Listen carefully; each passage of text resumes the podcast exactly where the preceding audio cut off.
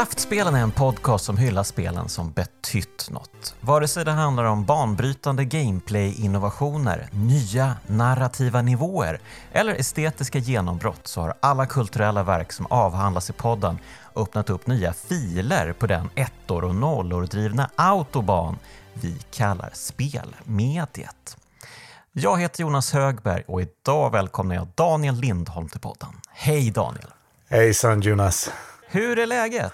Jo, uh, det är ganska bra här i Japan. Lite kallt bara. Vi har ingen central uh, värme i vårt hus. Det är jättetunna väggar.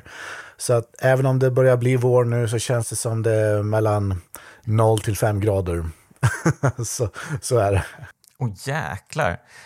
Ja, man, gör, man, har ju hört om de berömda japanska byggena, ja, att uh, det är ingen isolering överhuvudtaget här. Nej, precis. Så att, eh, det är lite jobbigt ja. om man ska försöka skriva musik i, om man bor i en lägenhet. Men just nu så bor jag i ett hus, så att det, det funkar mm. ju något så väl bra. Okej, härligt. Ja. Eh, ja, men du är ju då tv-spelskompositör och har ju skrivit musik till massa kända spel som Pro Evolution Soccer, Yakuza Dead Souls, Resident Evil 6, Gran Turismo 6 och Street Fighter 5. Um, och idag ska vi prata om gammal spelmusik, International Karate Plus och Rob Hubbards briljans. Men vi börjar väl med att gå på djupet med dig först tänkte jag. Um, du bor ju, som du sa, i Japan sedan en bra tid tillbaka. Varför flyttade du dit? Jag flyttade hit uh, 2005. Um, det var liksom det enda sista jag kunde göra. Um, jag hade så många idéer. Jag skulle vilja starta liksom ett tv-spelsföretag i Sverige. Men det var liksom ingen som trodde på min idé och eh, då bestämde jag mig. Jag, åk, jag åker till Japan istället. Och eh, sen eh, tog det tre år. Men det roliga var att två år efter att jag hade lämnat eh, min hemstad Skövde så öppnade de upp eh, tv-spels, eh, jag menar ehm, universitetslinjen där för tv-spel. Jag var mm, liksom eh, okay. superimpad att de hade tagit initiativ till att göra någonting sånt. Så att, eh, men det känns lite ruttet att jag blev tvungen att mm. åka ända hit till att någonting hände där hemma. Om det varit lite senare kunde jag nog stanna, stanna hemma, tror jag nog. Men eh, jag antar att du inte ångrar att du åkte till Japan. Det verkar ju vara en otrolig resa. Nej, jag tror allting händer för, mm, ja, vad ska man säga, jag har ibland glömt av mitt svenska språk lite grann, men eh, Ja, du låter väldigt eh, amerikansk i ditt tilltal här. Ja. Trots att du alltså bor i Japan. Hur gick det till? Ja, jag kommer från söder. Va? Nej. uh, ja. nej, jag har haft en ganska neutral svensk accent när jag bodde i, i Skövde. Jag fick inte till min brea västgötska som jag kan jag, jag, jobbar mycket med voice acting nu på sidan av då. Så att jag har ju fått svänga till mig okay. lite mm. amerikanska accenter när jag undervisar också. Så jag gör inte bara musik utan jag mm. undervisar språk och kultur vid sidan av um, allt det här musikproducerandet. Ja. Ja, ja, och jag antar att det var så du började när du flyttade till Japan. Du började som engelska lärare kanske? Ja, eh, i stort sett så var det det. Um, jag åkte först till, till Tokyo och sen så kunde man hitta en sån här fri tidning som heter typ Gaijin Post eller något sånt där. Och man kunde skicka in eh, annonser eller jobbansökningar så skulle de printa upp det liksom två veckor senare. Så att jag skrev min egen eh, arbetssökningsannons och så fick jag svar typ en månad senare. Och jag var fortfarande bara som besökande här i Japan på ett 90 dagars visum. Och eh, jag hade redan för, förberett ett demo reel med video och rescorings och grejer.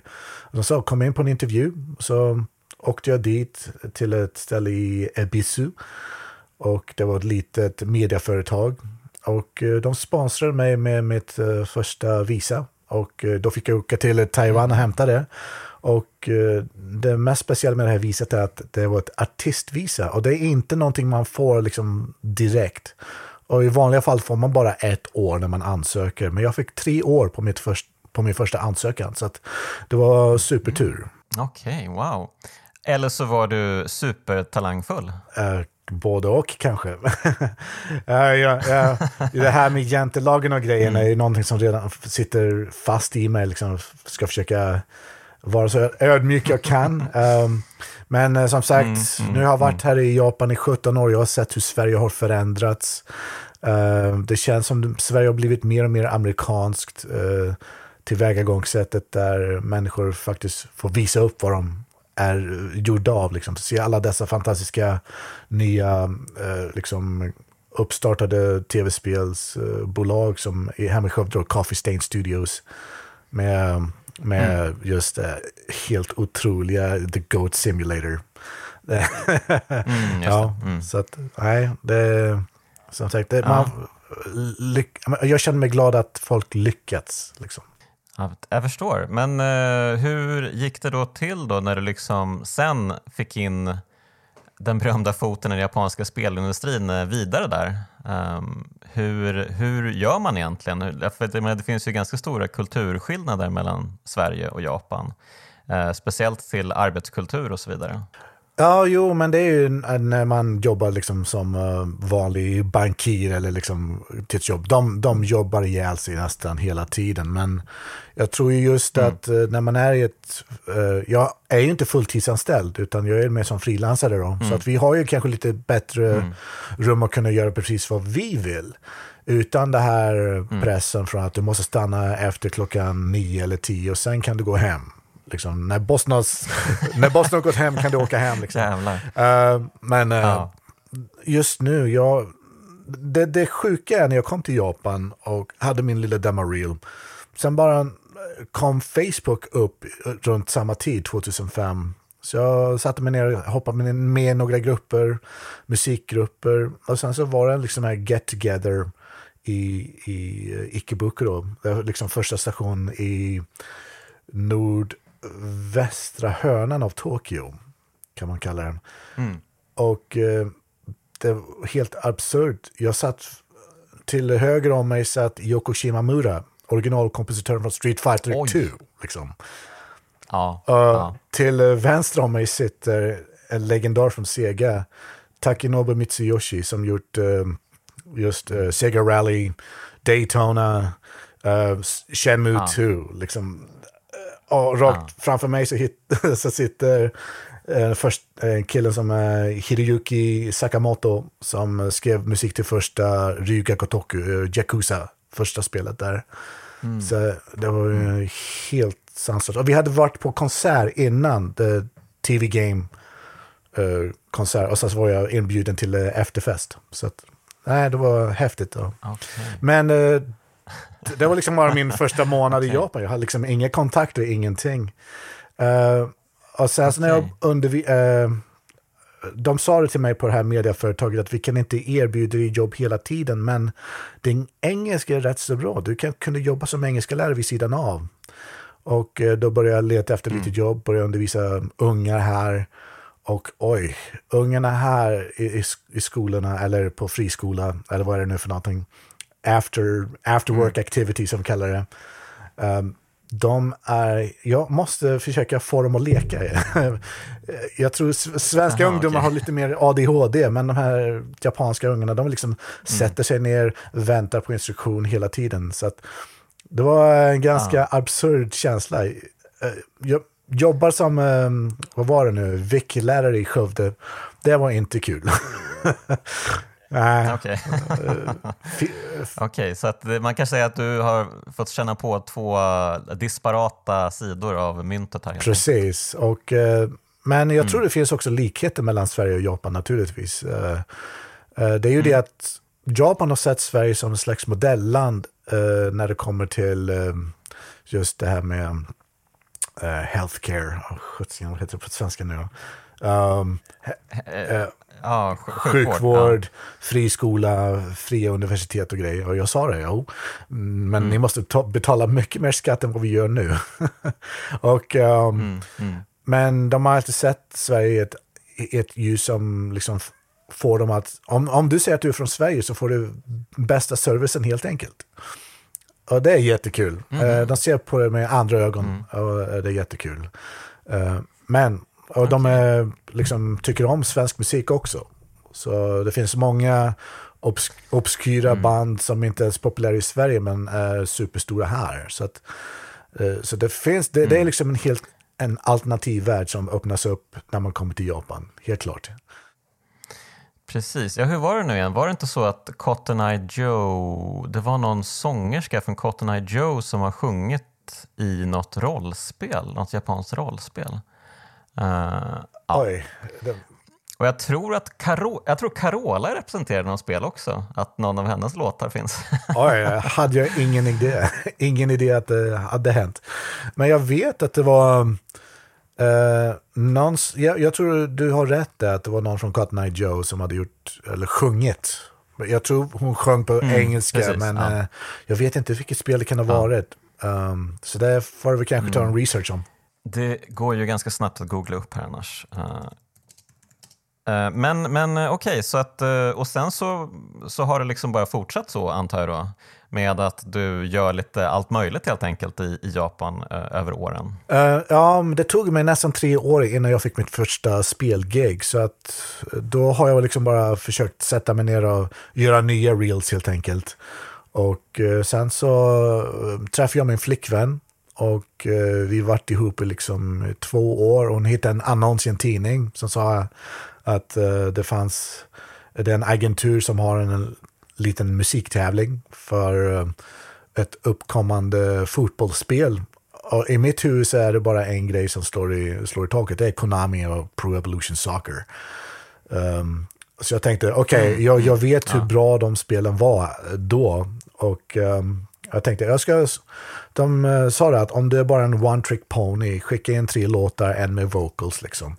Men om du kan mycket mer, skicka in sju låtar, två med vocals och så får vi se vad som händer sen. Och eh, så mm. jag tog mig an och skrev en låt per dag. Jag hade mycket tid då. och um, okay. i stort sett skrev jag allting där. Uh, allting från liksom Prodigy, stuk till David Holmes, uh, som är mest känd för Oceans Eleven. Uh, skrev lite mer musik i stil med Ibiza, dance music. Uh, lite spansk pop, tysk klassisk musik, brittisk ja, britpop med skitdålig engelska. och, och sen så var det en lite mer, vad ska man kalla det för, big beat, ja, ja, big beat stort mm. sett. Så, så skickade jag in allt det där och så bara satt jag och väntade. Och uh, sen fick jag ett telefonsamtal från en uh, kvinna från agenturen och frågade, um, this is Daniel, and I say yes. Uh, we just heard your stuff. It, it's amazing. Uh, we would like to ask you to come in for a uh, group meeting with us here at uh, the thing. But first of all, uh, we have some good news and some bad news. Okay. Um, what's the good news? Well, you have dis- you have done something that we never heard before that one person could do. Uh, uh, you got a big variety of styles, and I think that's something that our company would like to do. We would like to bridge out a new thing called the composers pool. Var kompositörspool. Mm. Ni, nu idag så säger vi production studio, eller production music. Just det. Okay. Uh, men sen så de dåliga nyheterna var att jag fick inte gigget för uh, Pro Evolution Soccer 2008. Men eh, Jaha, okay. de sa om, om två veckor så ska vi försöka skaffa in ett team från den här tävlingen och det kommer vara typ åtta, nio personer. Men säg ingenting till dem att du är den första vi ringde. så de vill få mm. lite mer leg mm. legit och så att de kan sätta upp en hemsida och så kunna pusha oss åtta personer till olika tv-spelsprojekt. Eh, sen träffades vi och eh, eh, off the bat så var det liksom direkt Pro Evolution Soccer 2009. Och det var Playmaker för Nintendo Wii som vi var um, typ 80 procent responsible för soundtracket där. Så det var mitt första AAA-spel.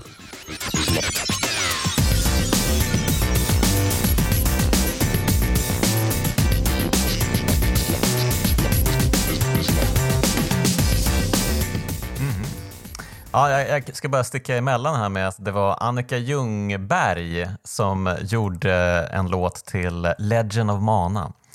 Um, oh. det, var ju uh, speciellt. ja. De verkar gilla Sverige mm. verkligen i, i Japan på något konstigt sätt. Ja, nej, det var något annat helt sjukt som hände bara för någon typ 6-7 månader sedan. Uh, Yoko Kano som skrev musiken till Cowboy Bebop och uh, andra klassiska anime-grejer. Um, hon mm. uh, fick en sångare från min hemstad, eller vi pluggade på samma gymnasium, eller jag känner hans brorsa. Och han sjöng mm. en låt som heter Scooters. Um, han går genom namnet James Vent. Um, så okay. det är en liten värld nu. det är en väldigt liten värld. Ja, verkligen. Ja. Men eh, okej, okay. och sen så har det rullat på för dig liksom eh, med den här, eh, ja, jag, jag radade upp massa spel där i början och eh, alltså är det något av de här verken du gjort som du är särskilt stolt över? Jag tror definitivt att när jag jobbat med Sega och Capcom så har det varit eh, eh, fri till att tolka grejer lite eh, som, som jag vill i min stil. Men de har liksom satt en parameter att det här måste låta typ eh, just den här känslan av att du gör detektivarbete, att du är ett slagsmål eller liksom, men liksom, mm. man får ha mm. lite egen responsibility, uh, ansvar. Um, så det har jag tyckt mm. har varit jättekul. Så att jag tror definitivt det, det mest bisarra var när jag började jobba med Sega. Uh, det första spelet var Super Monkey Ball 3D. Och um, okay. det var så release-titel till uh, Nintendo 3DS då. Men det hade ingen aning om det. Uh, jag tror bara, mm. okej, okay, normalt Super Monkey Ball-spel. Men nästa projekt från Sega direkt efter det blev eh, Yakuza Dead Souls.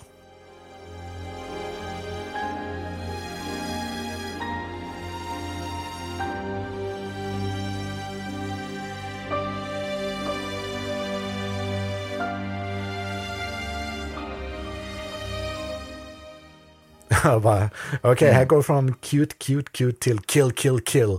Uh, det var liksom så mm. bisarrt. Men okej, okay, de hade visst min demo-reel från agenturen så att de vet hur jag kan göra. Men för mig, för mig kändes det som lite stora, eh, liksom helt, helt ja, motsats mm. från ena och andra. Mm. Så, så det var kul att man kunde slänga sig in där.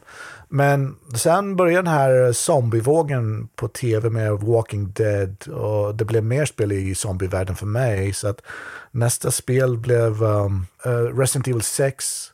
Jag skulle inte ha jobbet egentligen, var det tänkt. Mm. Um, mm. Men uh, det var det att de hade en tävling också, uh, internt. Och de letade efter fyra mm. kompositörer uh, till fyra poster som ska vara från utlandet. Och jag tror det var typ mellan 30 till 60 eh, pers. Mest av dem bodde i LA, liksom i Hollywood. Och eh, de bara, mm. vi har bara fyra poster redo. Så att uh, här får ni ett test. Uh, läs ett skript. Uh, vi behöver två stycken grejer från er. Ni behöver göra en temalåt som kan spela sig liksom i bakgrunden av spelet. Typ tänk 24. liksom verkligen så här agent stuk då. Mm. Mm. Uh, high tech bio thriller. Och sen så vill vi att ni ska göra en um, in-game uh, grej där vi behöver tre olika segment. Uh, så, så, fick vi läsa scenariot då och tolka det utan bild överhuvudtaget. Mm. det, det segmentet var inga problem med, men det var temat för mig. Temamusiken fick jag liksom göra om nästan varje vecka. Och um, Sen kom vi ner in till den sista eh, tio timmarna. Det var klockan var tio på kvällen. Nej, tolv timmar var det. Och jag sa till frugan nu då att uh, du, jag, jag tror jag behöver jobba natt ikväll. Um, mm. Och uh, så jag hade planerat det. Så från klockan tio på kvällen fram till klockan fyra på morgonen uh, skriver jag om allt det här. Och sen tar jag, sover fram till klockan sju, vaknar upp, ät, äter frukost, mixar i hörlurar och sen från klockan nio då har jag bara en timme på mig att vara redo och, okay. och då mixar jag med högtalare. Så det gjorde jag då. Och så tänkte jag, jag har tio minuter kvar här. Jag har nu slängt bort alla instrument. Men rytminstrumenten, de var liksom helt okej. Okay. Men det var liksom det andra melodiska jag behövde tänka om i stort sett. Så att det gjorde jag inom 12 timmar innan deadline och det är helt galet.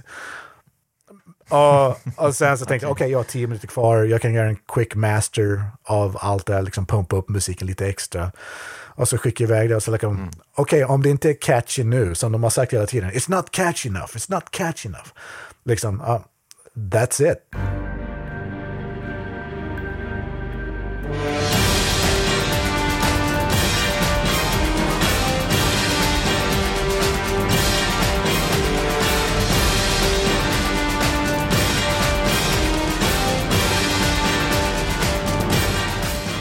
Eh, men två veckor senare så fick jag ett telefonsamtal från agenten igen. Och de sa det, okej, okay, nu kan vi tala om för dig uh, vad som har hänt. Uh, du kommer ihåg projektet, du, du, bara fick lite grejer att läsa va? Ja. Capcom var liksom klienten som ville kolla upp folk då. Och du har fått position som kompositör för Resident Evil 6. Och jag var helt nu mm. fick jag samma känsla som när jag kom in på musikgymnasiet hemma. Jag hoppade upp i taket, slog ner en mm. taklampa och, eh, och eh, det var samma grej igen. Det var helt absurt. Jag, jag har aldrig tyckt om ordet tävling överhuvudtaget. Men, men när Capcom gör sådana här grejer, de sa att uh, de har liksom ibland där man måste betala pay to play. Men just för att man betalar mm. typ 20 000 yen, det typ, vad kan det vara, drygt 1500 eh, spänn nu i svenska kronor. Eh, mm. Det är bara för att mm. de ska garanterat lyssna på dina saker, så att det inte liksom wasted tid. Ehm, och, eh, okay. och sen var det det. Och så var jag med direkt. Jag trodde att jag hade redan fått jobbet. Men vi åkte ner till mm. Osaka, vi hade möte med Kobayashi, så producenten då till spelet. Och sen så fick jag träffa eh, kille som har blivit en av mina bästa vänner eh, från Capcom Resident Evil Team. Uh, Mr Narita-san. Ja, det är Mr. Mr. uh, Narita-san, han, han, han, har liksom um, fightats för att jag ska få vara med på teamet. Han, han ser någonting som ingen annan har sett då. Uh, den, den, som jag mm. skulle övertyga var då uh, den här sound, implement, sound Implementation Manager han var inte såld direkt. Mm. Men eh, Narita sa det att eh, du har den där videon på din eh, omgjorda musik till Casino Royale. Uh, har den med dig? Ja, visst, jag har den på PSP här. Kan du visa den för honom där borta? Han, han är inte såld just ännu på dig. Okej, okay. eller kanske lite för sent att känna sig sådär. Men, så han kollade på, på videon, det var liksom nio minuter av musik uh, med dalar och höga berg. Liksom. Det var så mycket dyna dynamik på någonting som är gjort helt mm. digitalt. Och, sa, sa, du att det var på PSP? Ja, jag laddade ner en MP4, MP4-fil med video. Uh, han fick kolla på den. Det, det tillför ju en del till historien verkligen, att han sitter med en PSP och lyssnar på musik. ja, jo, precis. Det var andra tider då. det var andra tider då. Mm, um, mm. Men efter mm. nio minuter så kollade han på mig, gav tummen upp. Okej, okay, I get it now. Liksom. Mm. Okej. Okay. Men det var det som var så helt sjukt, så att alla var inte med på båten. Uh, inte ens jag var, var med, mm. men okej. Okay. Så då, då fick jag giget. Uh, men nu, Street Fighter 5. Um, det var någonting som uh, kom upp väldigt mycket senare. För från 2012 så hände ett, liksom ett skift i just uh, nya tv-spel, next, next generation. Uh, det var Playstation 4 skulle komma ut. Och, och då började en produktionscykel mm. igen, så det kanske tar liksom två, tre år för uh, nästa generation. Så att jag satt och väntade ganska länge. Så under den tiden så har jag mest producerats liksom smartphone-spel och iPad-titlar. det är någonting jag själv har inte känt det är inte varit något kul. Uh, och mycket Pachinko också. Pachinko är okay. också mm -hmm. det värsta jag varit med om. Men, men, men så här, Pachinko-musik, behövs den? För går man in i en Pachinko-hall så är det ju så här bedövande volym. Precis! Jag, jag har samma, liksom, vad fan ska man lyssna på musik till? Det är bara massa metallbollar ja. som droppar hela tiden. Uh, men ja. Konami som, uh, just det, jag var med på de här två spelen som dödade Konami helt enkelt. Um, de hade annonserat... det är okay, helt ja, sant. Berätta, berätta. Så att, um, det var någonting som hände med Konami under den här. De hade börjat tänka på att sparka uh, Hideo Kojima under tiden. Um, men ja, de hade liksom ja. tänkt att vi ska satsa mer på den domestiska marknaden då. Så vi behöver inte tänka så mycket och vi ska producera spel och översätta och skicka ut över hela världen. Så nu, nu kör vi med Pachinko. Men vi tar några av våra kända IPs och gör en Pachinko-maskin av det. Men för mig, när jag fick draft, liksom, var det bara, ja, oh, du ska skriva musik till Castlevania. Jag bara, oh fuck! Häftigt liksom. Mm. Uh, men det är en Pachinko-maskin. Och jag bara, fan. Okej. Okay, um, okay, så jag liksom satt och tänkte, varför ska de ha musik till någonting man inte hör? Men det visar sig att många Pachinko-maskiner har en headphone jack där. Så att, um, ah, så okay, att man kan ju försöka blockera mm. ut ljudet där. Men, um, men det är det, de spenderar så mycket pengar på att få en bra inspelning av eh, gamla, gamla låtar. Så de sa att vi vill ha en... Eh, att du kan arrangera för en stråkkvartett, eh, neoklassisk eh, hårdrock som vi har haft tidigare. Kan du, kan du försöka få den in på ett annat spår? Och då tänkte jag, okej, okay, progressiv metall, det, det kan jag mycket väl göra. Så att jag, jag la om mycket av Castlevania-musiken till progressive metal. Och eh, sen var jag klar och så fick jag träffa en inspelningstekniker som heter Kenji. Um, uh, I, uh, Kenji Kanai. Uh, han är också en protege under James, uh, Bruce Svedin som har hjälpt till att producera Michael Jackson. Så han jobbar där i LA och mixar min musik. Så det var också okay, ganska okay. galet tycker jag. Um, men okej, okay, så de har lagt ner mycket pengar på det. Och sen så sitter man bara och väntar och sen så kommer det liksom en YouTube-reklamgrej upp. Och jag bara, vänta lite nu, Castlevania, erotic violence. Vad, uh, vad är det här för någonting? Och så hör jag min musik där inne och säger mm. fuck. Uh, det här var... det här var ingenting, det var inte, vad jag hade tänkt mig. Nej, liksom, be true to lore. Mm. Liksom. Uh, gå tillbaka mm. till Belmont och allt det där. Liksom, gör en greatest hits-grej. Varför? Okej. Okay. Och sen så blir det liksom um, Sterling, Jim Sterling gjorde en meme direkt av uh, det där erotic violence och jag bara skrattade häcken av mig. Ah. Um, um. Och sen så var det ju då dags. Uh, eh, PT hade kommit ut på Playstation. Uh, play, playable mm. teaser. Uh, Silent Hill. Jajamän. Mm, mm. Och vi var ju alla på tårna att fuck, det här kan bli riktigt coolt. Liksom. Um, ah. Och um, men sen så blev vi, fick Hideo Kojima sparken eller någonting i det slaget. Så att nu, nu ska vi inte ha det projektet längre. Uh, men mm. det var ju det att jag hade fått innan dess, ja, uh, oh, du ska skriva musik till Silent Hill. Jag bara, wow, Akira Yamaoka, ska jag hjälpa honom nu helt plötsligt? Men det är en Pachinko-maskin. Mm. jag bara, fuck, mm. igen. Uh, nej. Du har hamnat i Pachinko Ja, precis. Och det var det också. Det blev en meme. Liksom, pull the lever! Woo, woo, woo!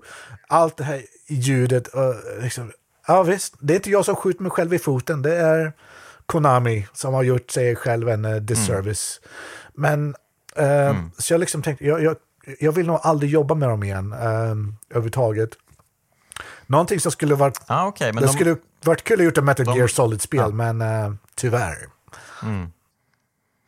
Okej, men de verkar ju ändå liksom ha kommit igång igen, Konami, nu på senaste. De har ju liksom börjat med massa Silent Hill-spel ska ju produceras nu och eh, ja, det verkar ju lite som att kanske inte de själva, men de har i alla fall eh, de har ju bett andra spelstudios göra spel på sina IPn och sådär. Så det verkar ju som att de har börjat sätta igång produktionen lite grann. I alla fall. Yes, de har börjat outsourca ja. många IPs till andra ja, tredje, tredjedelsutvecklare där. Så att det tror jag mm. kommer bli jättebra. Um, men det var också helt konstigt för att uh, innan jag fick Street Fighter 5 så var det en till grej som skulle kunna ha hänt mig. Um, Resident Evil 7, Village, har jag för mig. Uh, jag skulle skriva musik till det.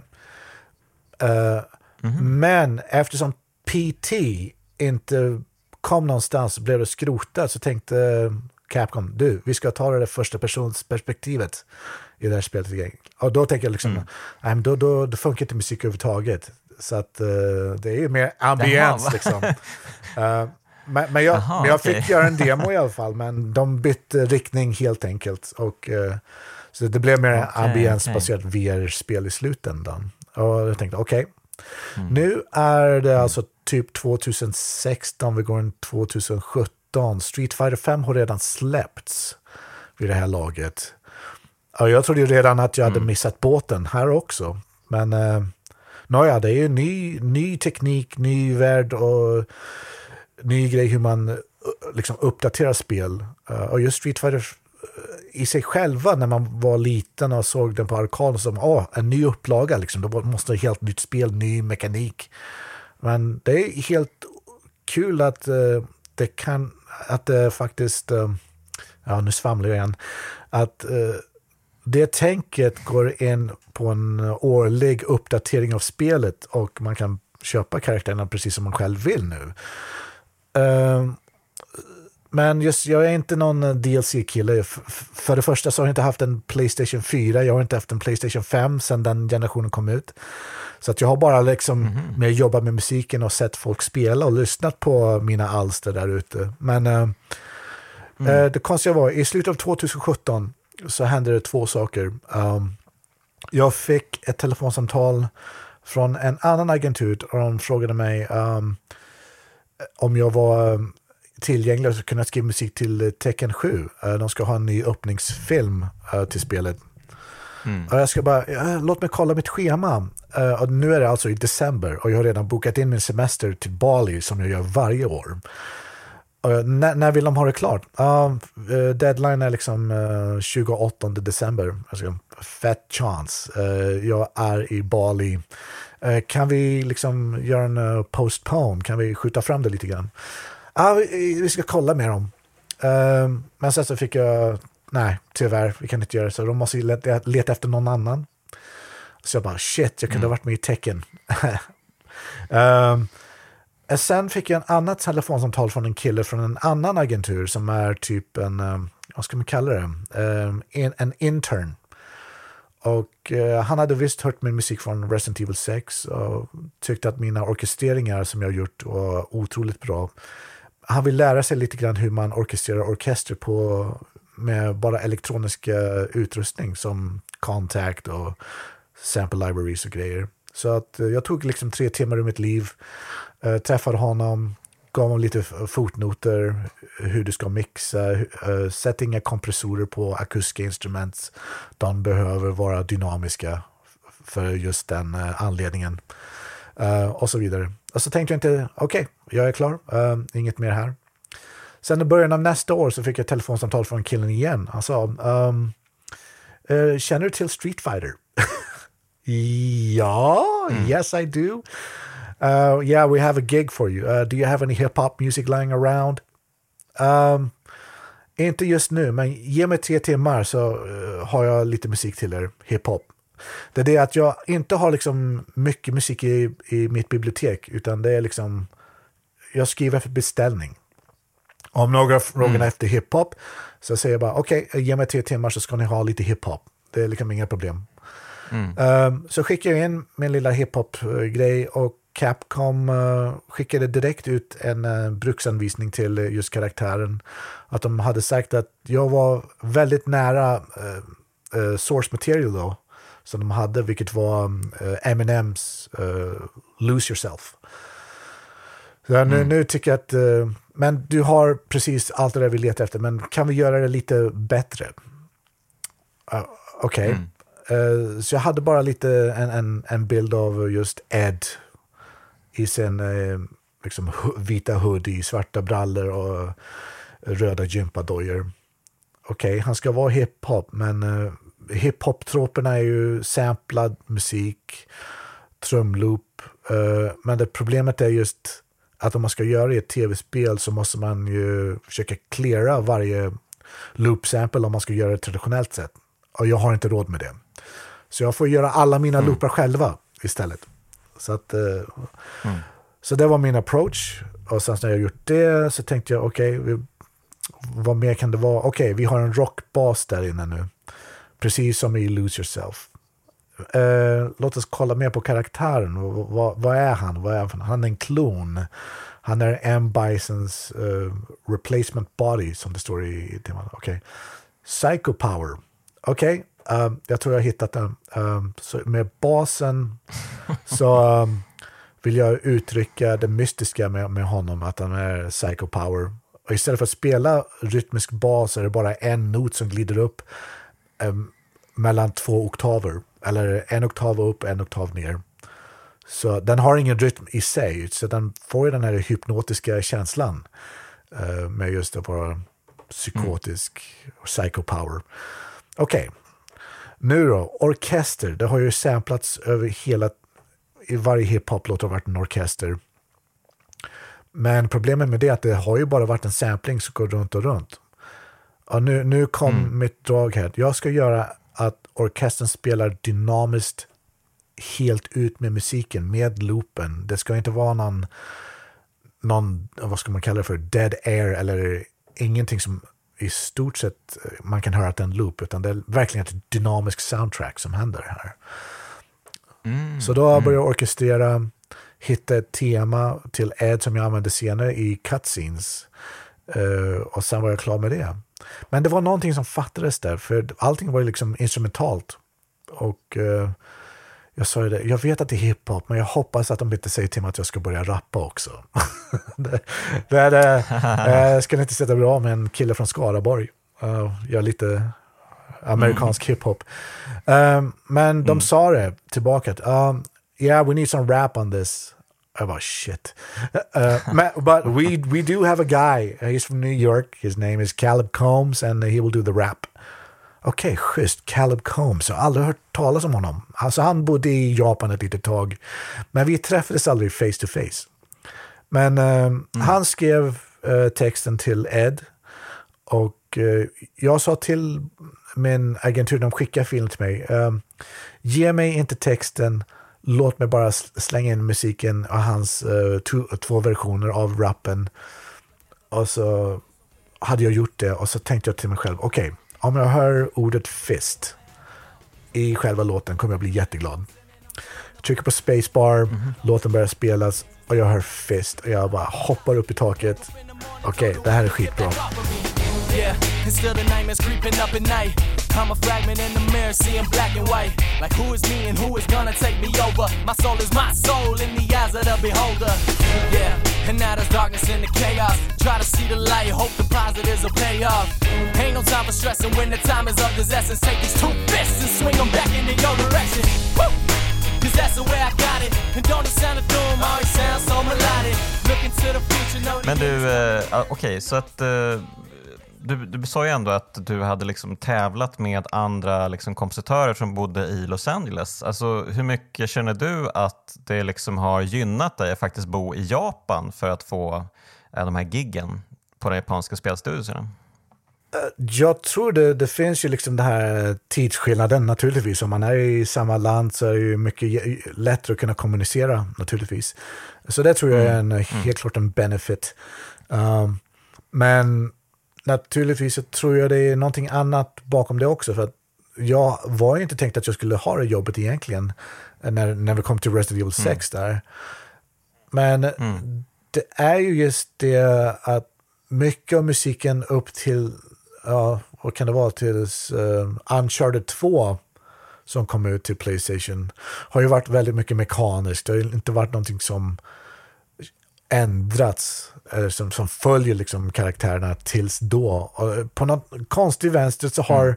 spelmusiken blivit den sorts musik som uh, filmmusik varit under 80 och 90-talet. Väldigt dynamiskt och, och, följer vad man ser på skärmen.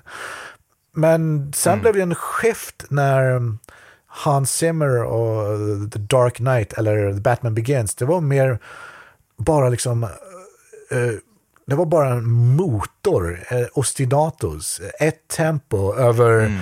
varje filmsekvens. Liksom. Det, liksom, ingenting ändrades, utan det var väl liksom bara fejda in olika lager av instrument som skulle komma in och ut för att kunna uh, få, få det se ut som någonting händer på, på, på bioduken.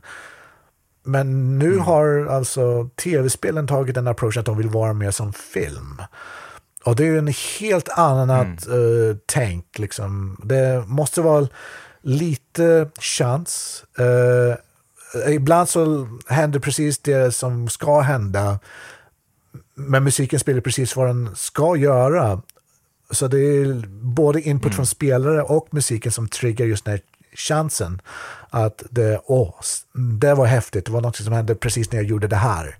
Uh, men Uncharted Mm, Okej, okay, att den ska vara dynamisk. Precis. Ja, just. Mm. Uh, just Uncharted var liksom så komplex på ett sånt system. Men sen så var det också grejer att de, de har tänkt hur maskinen fungerar. Och det var just det de sa till oss när vi gjorde Resident Evil 6, att vi vill att det ska bli precis som Uncharted 2.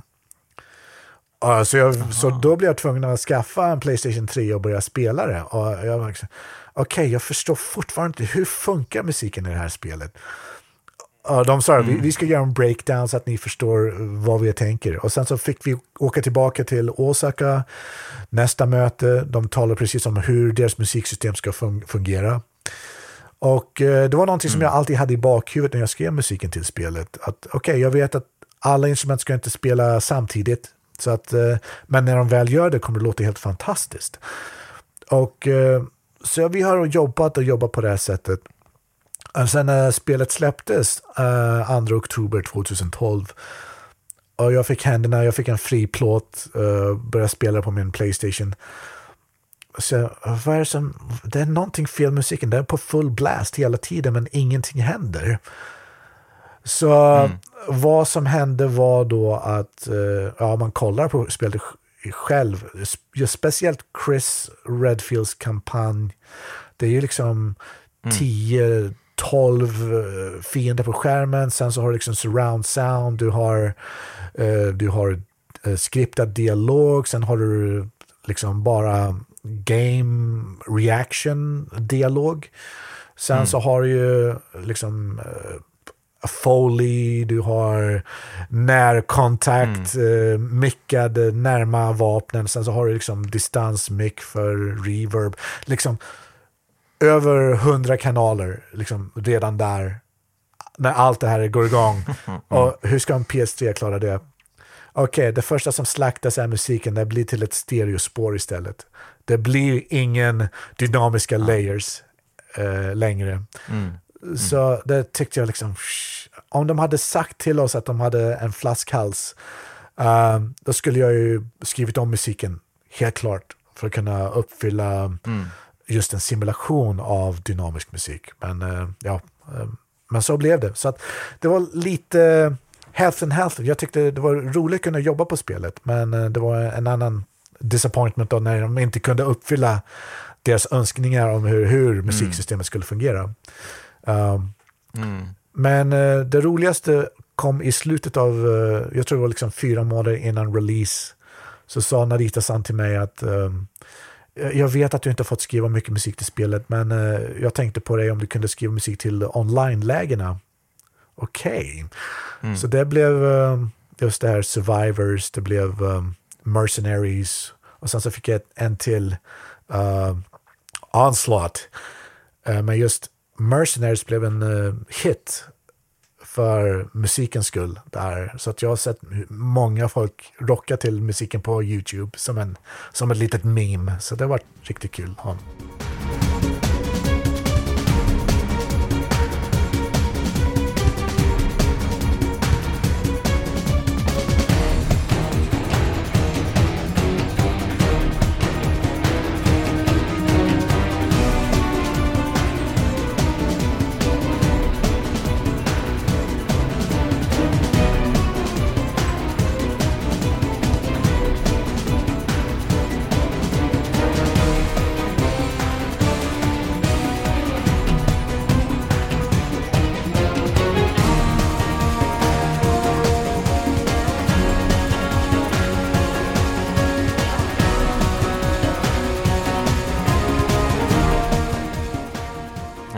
Kul! Mm. Men eh, okej, okay, men känner du så här att eh, du skulle vilja rekommendera det du har gjort, alltså att flytta till Japan och eh, liksom försöka slå sig in i eh, just spelindustrin i Japan? Är det liksom, eh, finns det något du kan säga till folk som eh, funderar på att göra samma sak? Finns det några tips du kan ge dem? Eller vill du bara säga nej, gör det inte, eller det är för svårt? Eller vad, vad vill du säga till folk? Det är just nu efter att covid har liksom passerat så tror jag att läget har förändrats. Men definitivt så tror jag att det finns en, eh, en framtid uh, för folk. Just när jag åkte till Japan så kunde jag inte ett enda ord japanska. Liksom. Och I Sverige har mm. det just nu blivit väldigt populärt. Man kan plugga japanska på, eh, på gymnasiet nu har jag hört.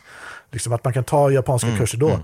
Så det är liksom en helt okej, okay, liksom, okej, okay, ta japanska kursen, kom hit, försöka leva här uh, med dataspel och grejer. Och de har ju en uh, skola här som heter HAL, som är ett, ett stort mediekomplex mm. uh, i Shinjuku. Och från den skolan så har vi ju fått liksom en massa svenska musiker som börjar jobba i Japan med sounddesign och, och musik. Och speciellt killen mm. som gjorde musiken till, till um, Hideo Kojimas uh, Walking Simulator. uh, Death, mm -hmm. Death Stranding. Mm, okay, okay. Just det. Um, yeah, yeah. uh, så han har ju träffat, och, nej, det var helt otroligt. Hans, hans historia är fantastisk. Uh, men det låter jag Dave få, få intervjua honom sen. Um, mm, mm. Men um, ja, jag tror definitivt komma hit utan att kunna språket, det var en dålig idé från min sida.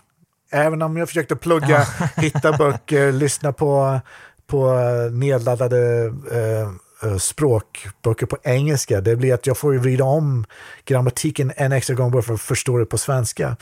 Uh, mm, mm. Okay. Ja, men bra. Men du, ska vi kanske ta och transportera oss till 80-talet istället då? Um, All right. Var, alltså, vilka typer av spel lirade du som liten? Kände du liksom redan då en förkärlek till just musiken? Um, just då när jag började spela tv-spel så satt jag inte och tänkte på att jag skulle bli musikkompositör överhuvudtaget eller tv-spelskompositör. Uh, men när vi hade fått vår första dator, en Commodore 64, och min brorsa och min pappa, de fick liksom uh, försöka lära sig hur man laddar upp ett spel på via tape-kassettspelare. Ja, uh, ja. det, det, var roligt att stå där som femåring och kolla på dem och försöka få ihop det. Men jag liksom gjorde små imprints på min... På min Okej, okay, jag behöver trycka in de här tangenterna. Sen behöver jag trycka på play. Och sen starta mm. bandspelaren. Okej, okay, ja. Uh, men sen ändå så fick min brorsa hem lite, ja, på den tiden var vi inte rik. Jag tror många kan säga att vi skaffade piratkopierade kassetter. Mm. Det gjorde nog väldigt på. många tror jag. Yeah. Ja. uh, men min brorsa sa kolla på det här spelet, det heter International Karate. Mm. Jag bara okej, okay. eller International Karate som det heter på västgötska. Mm. Okej. Okay. Um, uh, spelare, men jag bara lys började lyssna på musiken liksom.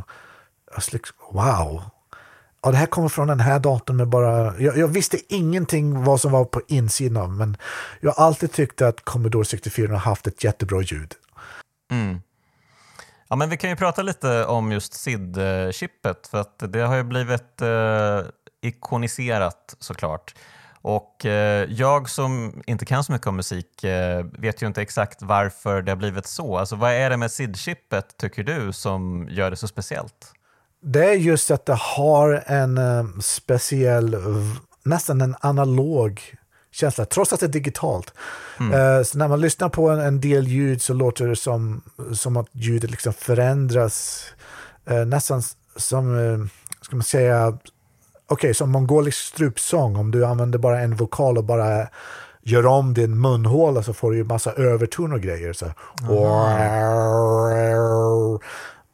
En not på, med en, en, en vanlig... De kunde alltså göra om signalen eh, i real time så att det förändrades men du höll fortfarande noten. Så att det blev en så mm. kallad Pulse Wave Modulation. Eh, okay. PWM. Uh. Och det var någonting av det första jag hört och så wow, det låter så fett. Just det, basar och grejer. Och det låter, varje gång man startar upp ett spel så kanske det låter lite annorlunda varje gång. Så det fanns ju lite som en liten Okej, okay. det är nästan som att man ser ett liveband komma upp och spela samma låt fast det är två olika tagningar. Liksom. Det, det var mm. ganska roligt. Um, ja. Men just att de kunde göra så mycket med bara tre kanaler också fick jag lära mig. Att de bara hade tre mm. ljud, mm. ljudkanaler kunde lära mig. Mm. Och hur de krämade ut så mycket ljud, inkluderat trummor och bas och melodi och ackord. Det var liksom en helt galen konstruktion att se hur de har... Mm. Eller jag fattar det fortfarande inte. Och jag förstår fortfarande inte ännu hur Rob Hubbard mm. kunde kräma ut just den musiken som han gjorde på, jag tror han, 1986 tror jag International Karate kom. Och uh, sen så fick jag lära mig mer att ja, just det här är inte i början av musiken när den startar upp så är det ju faktiskt en uh, hommage till Ryuichi Sakamotos mm. filmmusik uh, till uh, Merry Christmas Mr. Lawrence. Mm. Och sen har han liksom bara tagit det och uh, kränkt det tills man kommer nästan in i liksom tre, fyra minuter in i musiken. Sen bara blir det ett drum break och sen blir det liksom intensitet ju, ju mer man försöker liksom skaffa det svarta bältet. Eh, mm, man mm. blir mer och mer uppjagad av musiken för att man, mm. man vill inte göra fel helt enkelt. och eh, jag tror musiken gör allt för att kunna sätta press på den som spelar hela tiden. Um,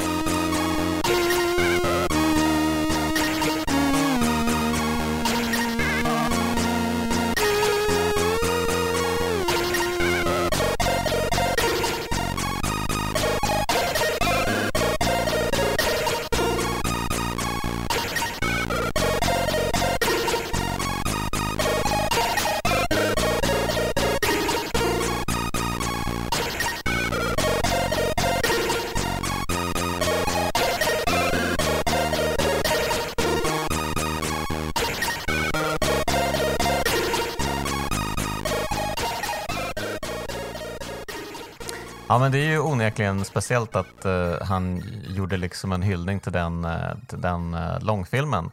Um, och det är ju lite kul också för att kompositören till den filmen var ju en av skådespelarna också som var ja, men egentligen huvudskådespelaren då, Ryuichi Sakamoto. Det är väldigt speciellt. det känns liksom som en, ja, en, en härlig rundgång nästan redan där. Att skådespelare gör musiken som sen liksom samplas in i ett helt annat spel eh, som har vissa japanska förtecken då med karate och sådär. Liksom. Eh, och det är ju klart att han, han har ju verkligen velat eh, skapa något sorts eh, japanskt sound med international karate. Det, det är ju ganska tydligt. Ehm, och eh, ja, det funkar jävligt bra helt enkelt. Det är jävligt snappy tune. Um, och det är, yes. Ja, han gjorde väl någon variation på det också till International Karate Plusen, uh, uppföljaren då. Ja, som är mitt, min absoluta favorit. Eh, mm. Jag har aldrig hört någon annan musik som kommer i närheten. Kanske just en annan kompositör, men just den leveln som Rob Hubbard liksom kick-ass. Men jag menar, jag har aldrig hört någon som varit så framme med just kunna komma igång med en sån baseline mm. som går omkring i hela, hela den låten. Och att han liksom vrider och vänder, det blir filtersvep och det är liksom... det är så magiskt att se när den går i break med bara trummor och bas. Mm. Och de bara groovar och sen så kommer den här sine wave-kurvan som ska imitera en japansk flöjt. Och så är det bara trummor som spelar.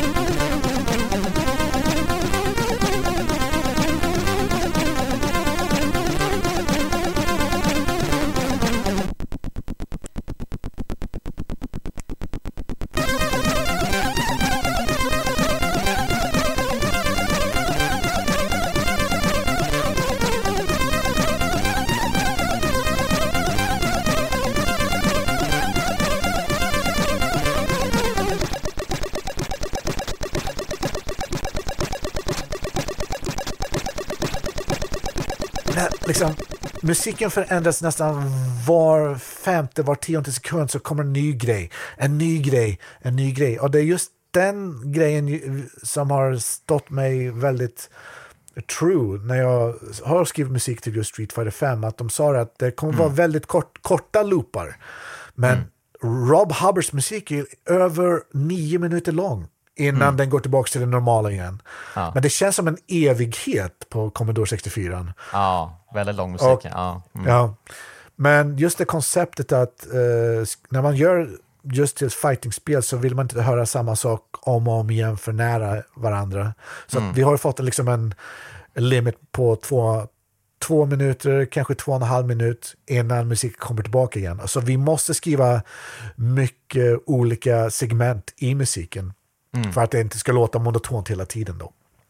Uh, så Rob Hubbard uh, tror jag satte den idén i mitt huvud också, att jag behöver göra mycket varierade grejer men med samma instrument. Komma upp med mm. massa olika variationer så att mm. det blir, uh, ja, som sagt, inte för monotont också.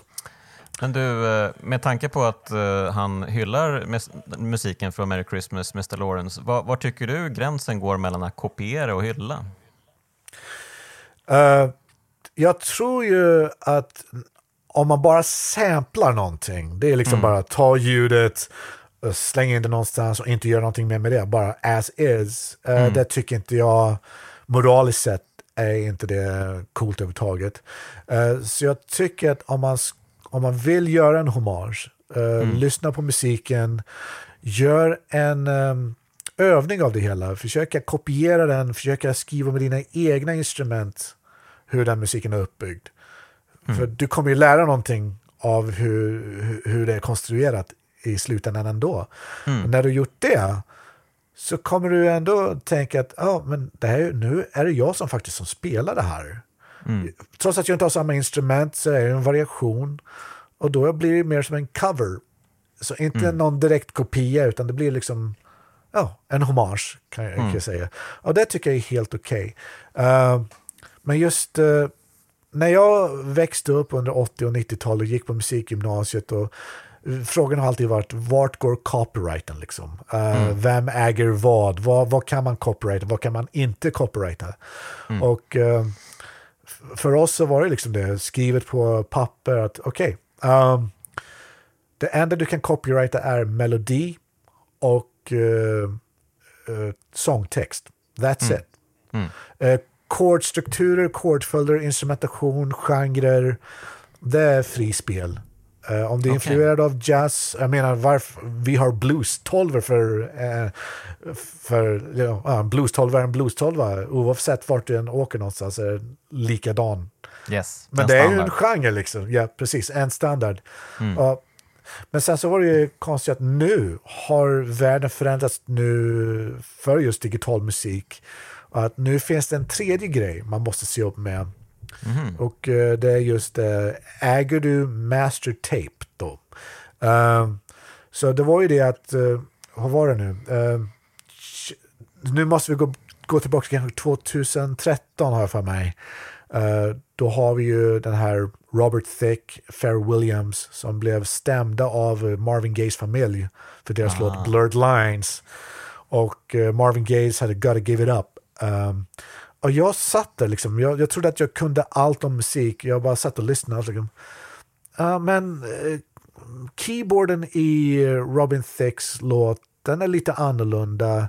Uh, the baseline, ja, basen är lite annorlunda. En, det är en liten annan koskälla figur som spelas. Uh, ja, trummorna, det är ingenting vi kan tänka på. Det är liksom precis liksom, man kan inte copyrighta en musikstil. Det var liksom så, så långt gick mitt tänk. Mm. Men det var, det var mer som hände bakom kulisserna, bakom musiken. Och för oss lyssnare så tänkte vi bara på de första fyra instrumenten som vi kan höra. Men det var, det var någon kongas i bakgrunden där. Det var mm. någon annan rytminstrument, eh, någon effekt. Men de ljudkällorna var inte inspelade av Robert Thicke och Pharrell Williams de var tagna direkt från masterinspelningen från Aha, Marvin Gaye. Okay. Och där, där satte de liksom, okej, okay, ni blir skyldiga uh, Marvin Gayes familj 5,3 miljoner för your fuck up. Liksom. oj, oj, oj. ja, ja. Men okay, om de ja, hade men... spelat om de instrumenten, inga problem. Inga problem. Aha, okej, okay, okej. Ja. Ja, och då, då, det var ju extremt korkat i så fall. Ja, otroligt. Um, ja. Men, men um, om vi går tillbaka till uh, Commodore 64. Um, på Hubbards tid då, så jobbade ju alla som involverade i spelbranschen med stora begränsningar. Hubbards musik hade ju antagligen aldrig låtit på det där sättet om man hade haft fria händer att göra precis vad han ville. Uh, ligger det något i det där att begränsningar skapar kreativitet? Tycker du? Helt klart. Uh jag har sett folk som har access till, det finns också den, eh, man kan ta den andra vinkeln som jag befinner mig i nu, eller som en annan kille befinner sig i nu, men som jag jobbar med. Um, men jag tror definitivt, om man begränsar sig själv så, så floras ju kreativitet på ett helt annat sätt. Um, ah. Som just nu jobbar jag med uh, indie-spelsutvecklare och uh, jag har satt mig i en liten box att jag vill ha att det här spelet ska låta på ett speciellt sätt. Så mm. kanske jag ska bara använda mig av kanske tre huvudinstrument och sen så arrangerar jag kanske några andra instrument omkring det. Men de där tre instrumenten ska bli min, min starting point. Liksom. Det, för det ska identifiera spelet är det tänkt då. Mm. Mm.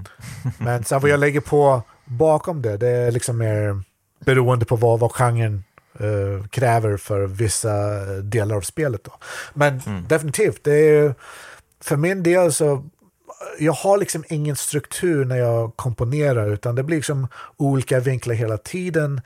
Uh, kanske först tänker jag på ett tempo, sen kanske jag tänker okej okay, en, uh, en bas kanske en gång, eller så kanske jag går från en rytmisk en mm. rytmisk figur eller om vi spelar en chordsföljd. Uh, ingenting är rätt eller fel vid det här laget.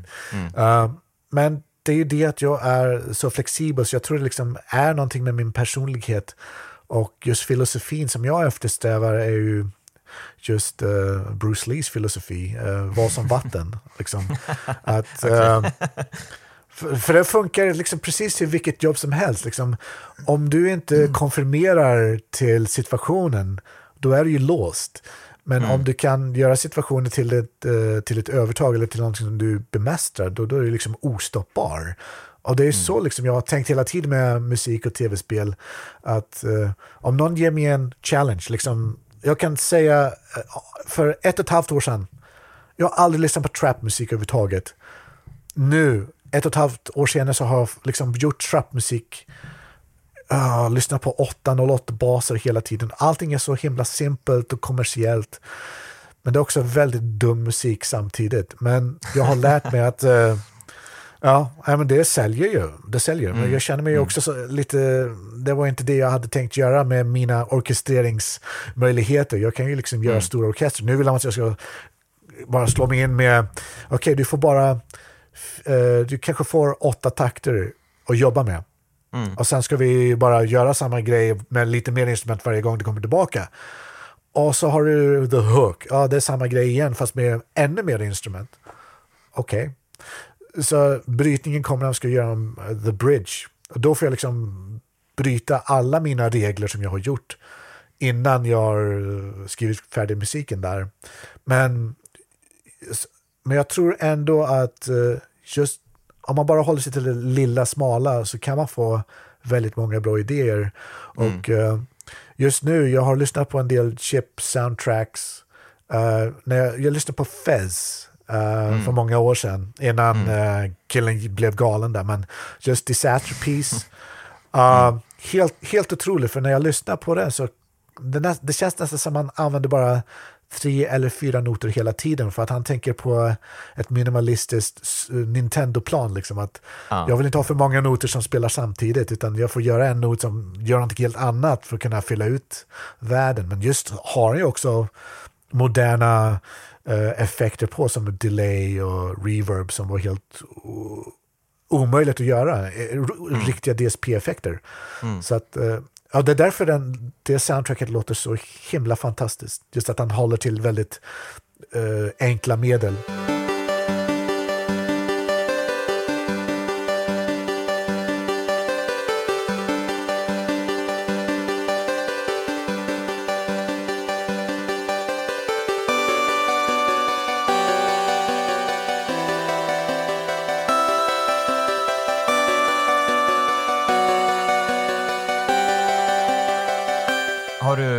Provat att göra typ Commodore 64-musik?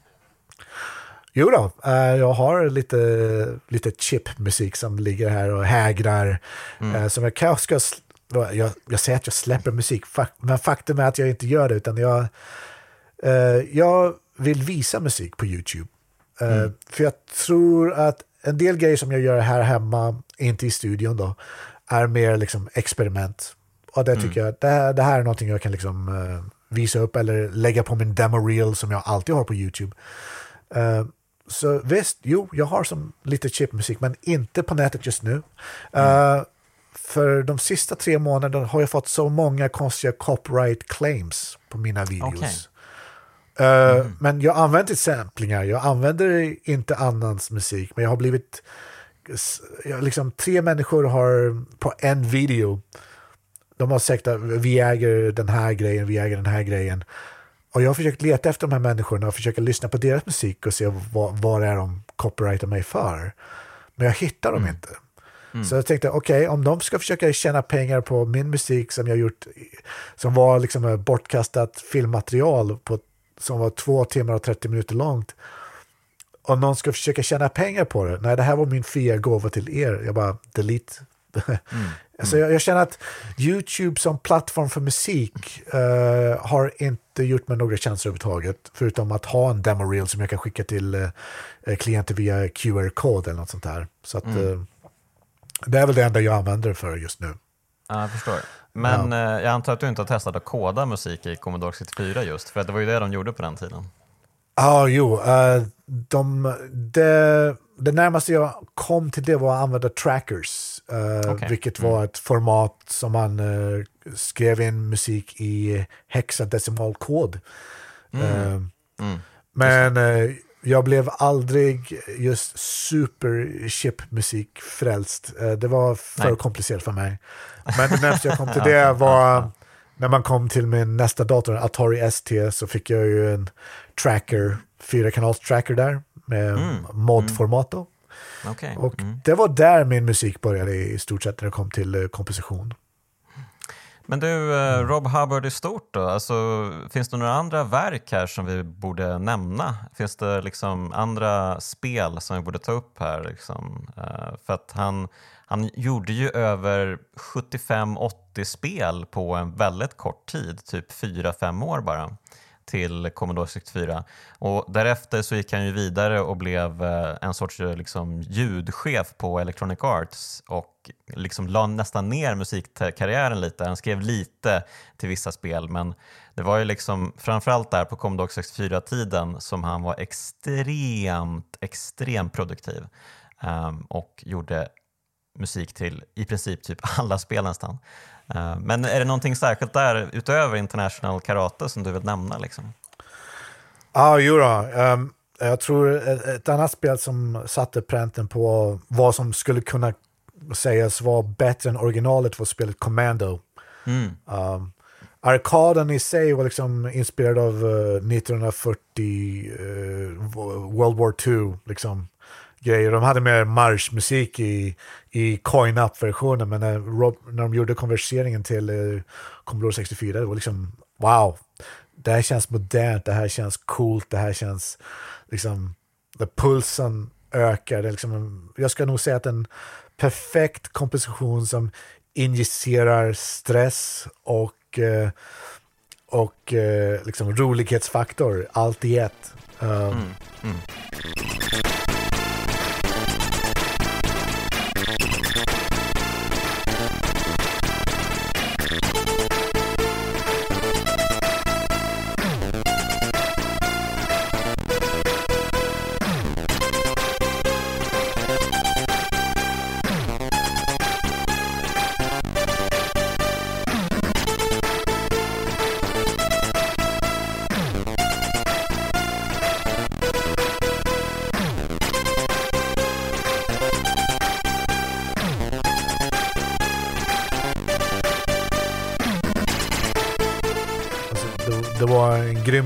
Plus att även om man dör så blir man inte liksom arg utan åh, oh, här kommer en annan cool låt bara på game over screen liksom.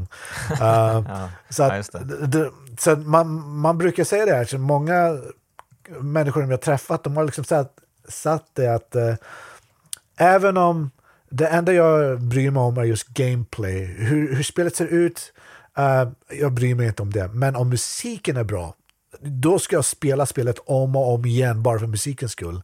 Och jag tror det är sant än idag. Jag, jag har sett många indieutvecklare som har kanske inte de bästa grafiska egenskaperna eller den bästa animationen, men musiken har varit liksom kick-ass. Eh, just det, uh, Miami, Miami Connection, uh, vad heter det?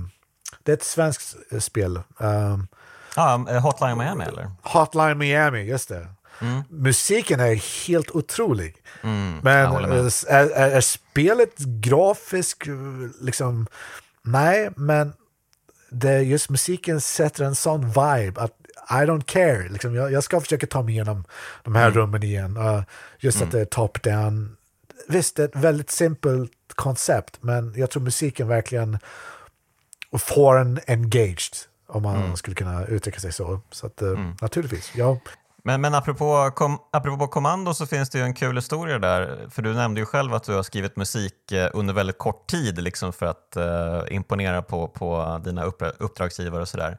Och eh, här liksom kom ju Rob Hubbard till uh, Eh, jag vet inte vem det var som gjorde spelet, men uh, spelföretagets lokaler.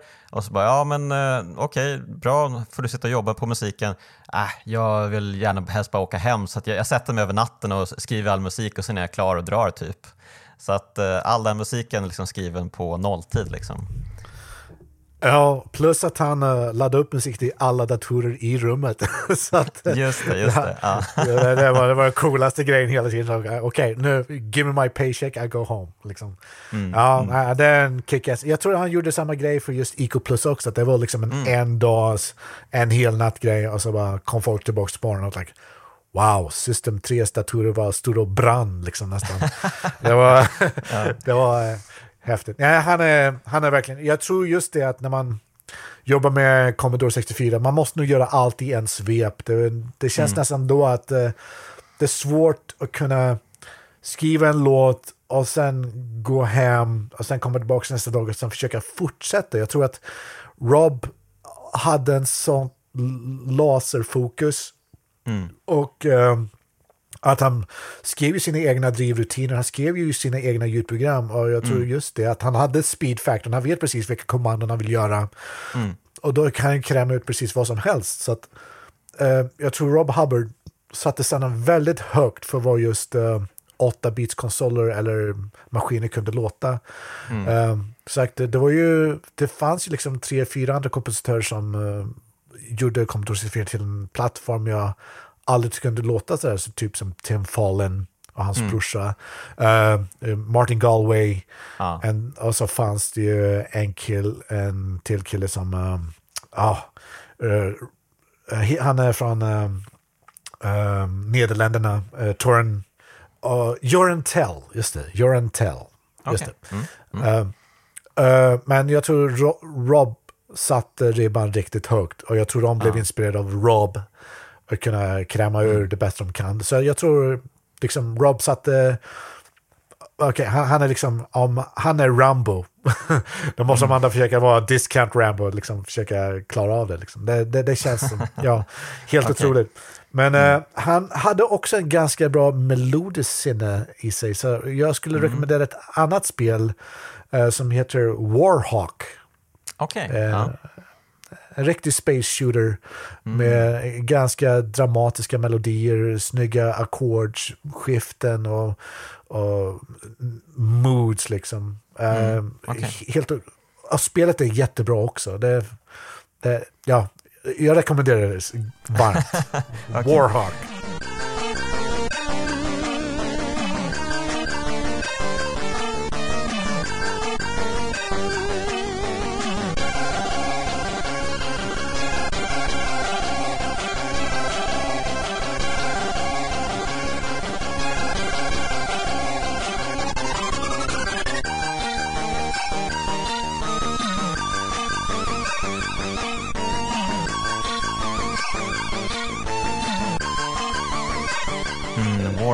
Ja, Okej, okay. men annars är väl hans mest kända kanske Monty on the Run.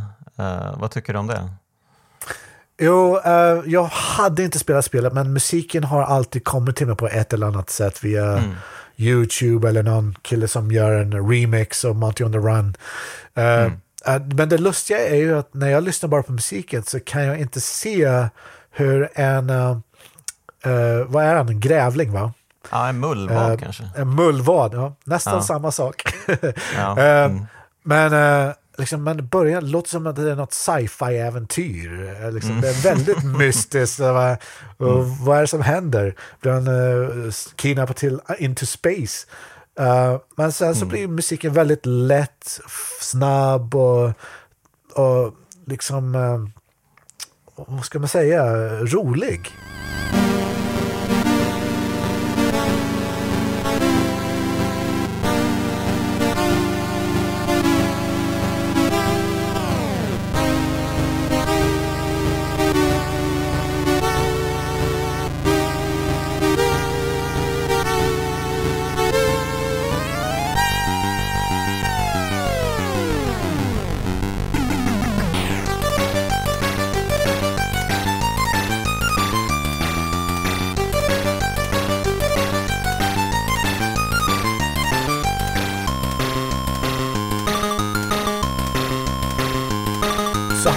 Faktiskt nästan gjort Monty...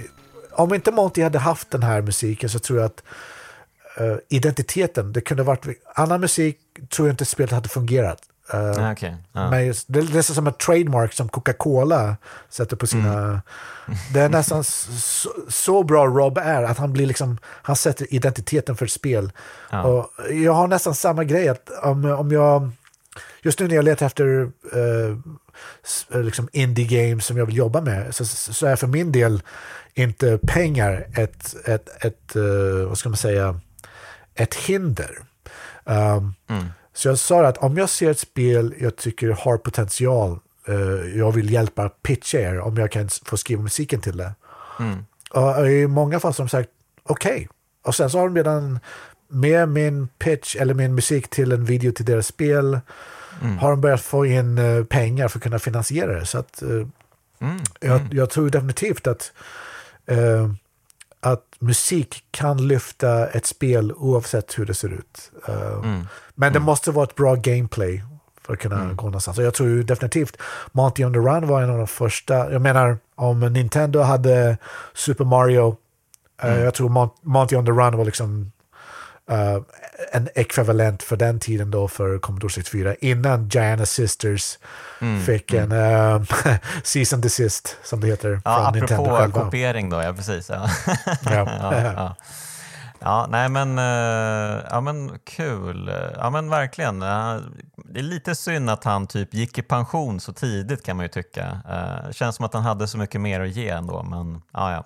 Det kanske var hans, det kanske just SID-chippet och Commodore 64, det kanske var just hans spelplan ändå. Uh, jo, det var ju det han sa, att det här är nog bara en fad, liksom. det kommer att gå över. Mm. men, så, mm.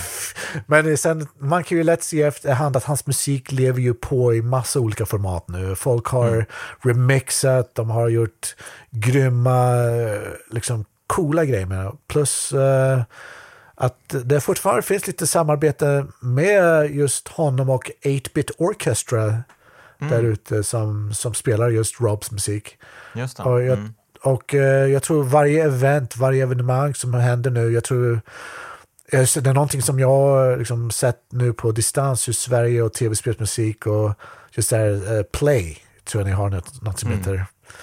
Uh, och det är ett jätteschysst koncept, men det känns ganska modernt. Uh, jag har sett mm. väldigt ny musik från tv-spel som presenteras till uh, folket. Men mm. uh, det skulle vara kul att kunna se någonting som uh, recipierar just Rob Hubbards och Tim Fallens musik. Mm. Och allt det där och kunna få en snygg uppdatering. Så att mm. nästa generation vill känna igen att okej, okay, Rob Hubbard, vi måste Ja, men alla spelar ju Mozart idag, liksom. Så, men kan ja, vi... Precis. vi får inte glömma... Glöm inte av Rob Hubbard. Vi får inte glömma de stora, de stora pionjärerna. Men, men eh, skulle, du, skulle du vilja jobba mer liksom med, med Sverige då? Alltså med svenska spelföretag? Eh, för jag antar att du inte gjort så mycket där, eller hur har det sett ut genom åren? Uh, just nu, när, vi, när, man har sett hur spelindustrin fungerar i Japan så är det ju det att uh, tid är pengar här och de slänger in hur många musiker som helst i ett spel bara för att försöka få ut det på on time. Mm. Och då, då har ju kvaliteten inte varit vad den har varit mot västerländska utvecklare. Om man kollar liksom på Call of Duty, uh, Call of Duty 2, då har man ju Lorne Balfe som skitbra kompositör, han jobbar med Hans Zimmer. Hans Zimmer gav honom ledmotivet. Han, liksom, en människa sätter en print på hela spelet. Det låter som en enda, liksom, ja precis, som John Williams gjort Star Wars. Liksom, mm. det, liksom, den consistency. Uh, mm. Vad ska man kalla det på svenska nu? Um, vad heter det? I'm sorry guys, I forget some Swedish words. Um, Konsistens, just det. Konsistens. Ja, det, no, inte konsistens Nej, tror jag. Konsistent, du, du, du, tänker nog snarare på att det ska vara liksom konsekvent var, över liksom kons, en lång period. Precis, att det ja. finns en linje, en liksom genomgående linje. Mm. Och just med Resident Evil 6, eh, jag trodde vi skulle vara fyra kompositörer. Det var, det var jag trodde i alla fall. Mm. Men det var liksom 24 mm, kompositörer över mm. hela spelet. Uh, liksom, då kan man liksom peka ut, okej, okay, det är en person, oh, det är en annan kille, oh, det är samma kille igen, oh, det, är, det är en annan kompositör. Det, det, har inte, liksom, det känns som man inte får ansvar. Uh, och det är nu jag börjar kolla på, börja jobba med just uh, europeiska, amerikanska, västerländska utvecklare, för att det är ju ett, mm. ett helt annat tänk. Jag tror vi tänker mer på produktionen som som, eh, just, som film. Liksom, att det måste finnas en, mm. ett sammanhang. En, ett helhetstänk. Precis, att det finns en identitet ingrundad mm. så att man inte ger bort det liksom, tre, fyra stycken och alla har en egen interpretation, äh, liksom egen äh, tolkning. tolkning av just vad deras musiker gör, men de följer inte mallen. Liksom. Mm. Det är därför vi har ju spökskrivare som hjälper till i LA. Jag vet Hans Zimmer kan inte göra all musik till alla filmer han gör varje år, utan det är liksom han sätter ihop, han sätter ihop en palett av ljud och säger oh, you have to use these sounds all for all these scenes here. Okay, och, okay. Uh, och uh, så han liksom bygger en palett och han kanske skriver en melodi och sen så ger han just samma palett så alla har exakt samma ljud som han har. Mm. Så att då blir det liksom att oh, jag kan inte säga vem som har skrivit vad nu. Mm. Och det tycker okay. jag är ett smart system. Mm. Och jag, det skulle varit jättebra om vi hade det systemet med Capcom, men alla hade olika datorer, alla hade olika ljudkällor att jobba med, så att det lät liksom huller om buller mellan ja, varje ja. musik. Då. Så att det är någonting jag ser fram emot att kunna få jobba med, speciellt svenska utvecklare, hoppas mm. jag i alla fall. Så mm. det säger jag inte nej till. Ja men kul. Ja, men det har varit uh, jättehärligt att prata med dig. Um, är, det något, uh, är det något sista du vill säga till alla? Liksom, uh, någon, någon uppmuntrande kanske ord till uh, de som sitter med musikprogram idag, kanske sitter på högskolan eller universitetet i Skövde och är redo för nästa steg och sådär. Vad, vad ska man göra? Ja, jo, men om jag får ta orden från en av eh, mina inspiratörer, Nils Landgren. Han var typ en av de sista uh, killarna jag, jag, träffade innan jag åkte från Japan till Sverige. Han sa det, uh, om du inte prövar ut dina vingar, då du vet ju aldrig hur det går. Mm. Okej, okay, om det är mellan 25 till 30 bast och du, du sitter där liksom, ge, ge dig själv en chans Pröva. Mm. Om det inte funkar kan du ju fortfarande åka hem på samma biljett. Det är inte mer farligare än så. liksom. Okay. Och börja stanna hemma hos din mamma och pappa för några dagar och leta nytt jobb hemma i Sverige. Uh, så att uh, prova allt. Uh, mm. jag, jag, tror ju, jag tror det, det läskigaste nu för folk som har väldigt stora kontaktnät hemma i Sverige, alla vänner och kompisar. Mm. Och för dem att bara ta steget och flytta till ett annat land Uh, jag tror det uh, skrämmer dem ganska så mycket. För min del så var det med att jag var en utstött person, jag har varit mobbad genom skolan. Jag har liksom inte haft uh, det stora nätverket av vänner som jag skulle önska att jag hade. Så att mm. min, min tanke var att uh, I don't care. Uh, mm. liksom, jag bara, jag kör. sen får vi se vad som händer. Uh, mm. så att, men alla har ju sin egen historia hur de kom till ett annat land och började jobba. Men om man är student, om ni har pluggat japanska på gymnasiet, uh, give it a shot. Liksom. Jag tror definitivt HAL har den bästa ut utbildningen i Tokyo som genererar jobb. Uh, speciellt mm. för svenska musiker. Och uh, Japan är galna i svenska musiker överhuvudtaget. Så det finns mm. en stor chans. men ja. för min del sitter jag på andra världen och önskar att jag nu kan jobba med väst, västerländska spel, spelutvecklare just nu. Ja. ja, men det har varit väldigt kul att prata med dig. Det är lite som eh, när Dolph Lundgren kom hem till eh, Sverige på 80-talet och skulle prata svenska.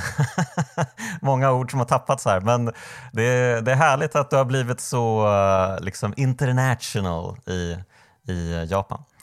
Ehm, så att, stort tack till dig för att du var med i Kraftspelen, Daniel. Stort tack. Och, tack så mycket, Jonas. Ja, och ett stort tack ska ni ha som har lyssnat. Eh, de finfina pojkarna i Bitpopbandet 047, tack för att ni gör musiken. Ehm, och eh, satsa gärna på Patreon och eh, stöd podden, det vore jättetrevligt. Hörni, ha det bra så hörs vi igen nästa vecka.